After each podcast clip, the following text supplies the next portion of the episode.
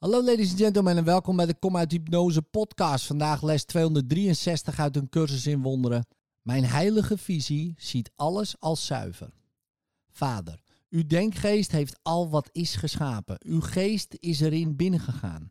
Uw liefde heeft er leven aan gegeven. En zou ik dan wat u geschapen hebt willen zien als iets wat zondig kan worden gemaakt?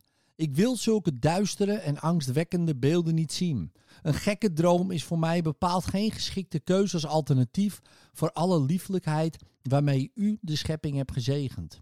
Al haar zuiverheid, haar vreugde en haar eeuwige vrede thuis in u. En laten we, zolang we nog buiten de hemelpoort verblijven, naar al wat we zien met de heilige visie en de ogen van Christus kijken.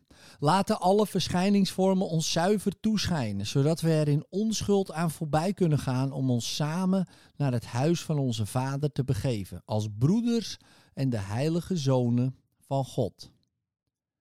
In liefde, tot morgen.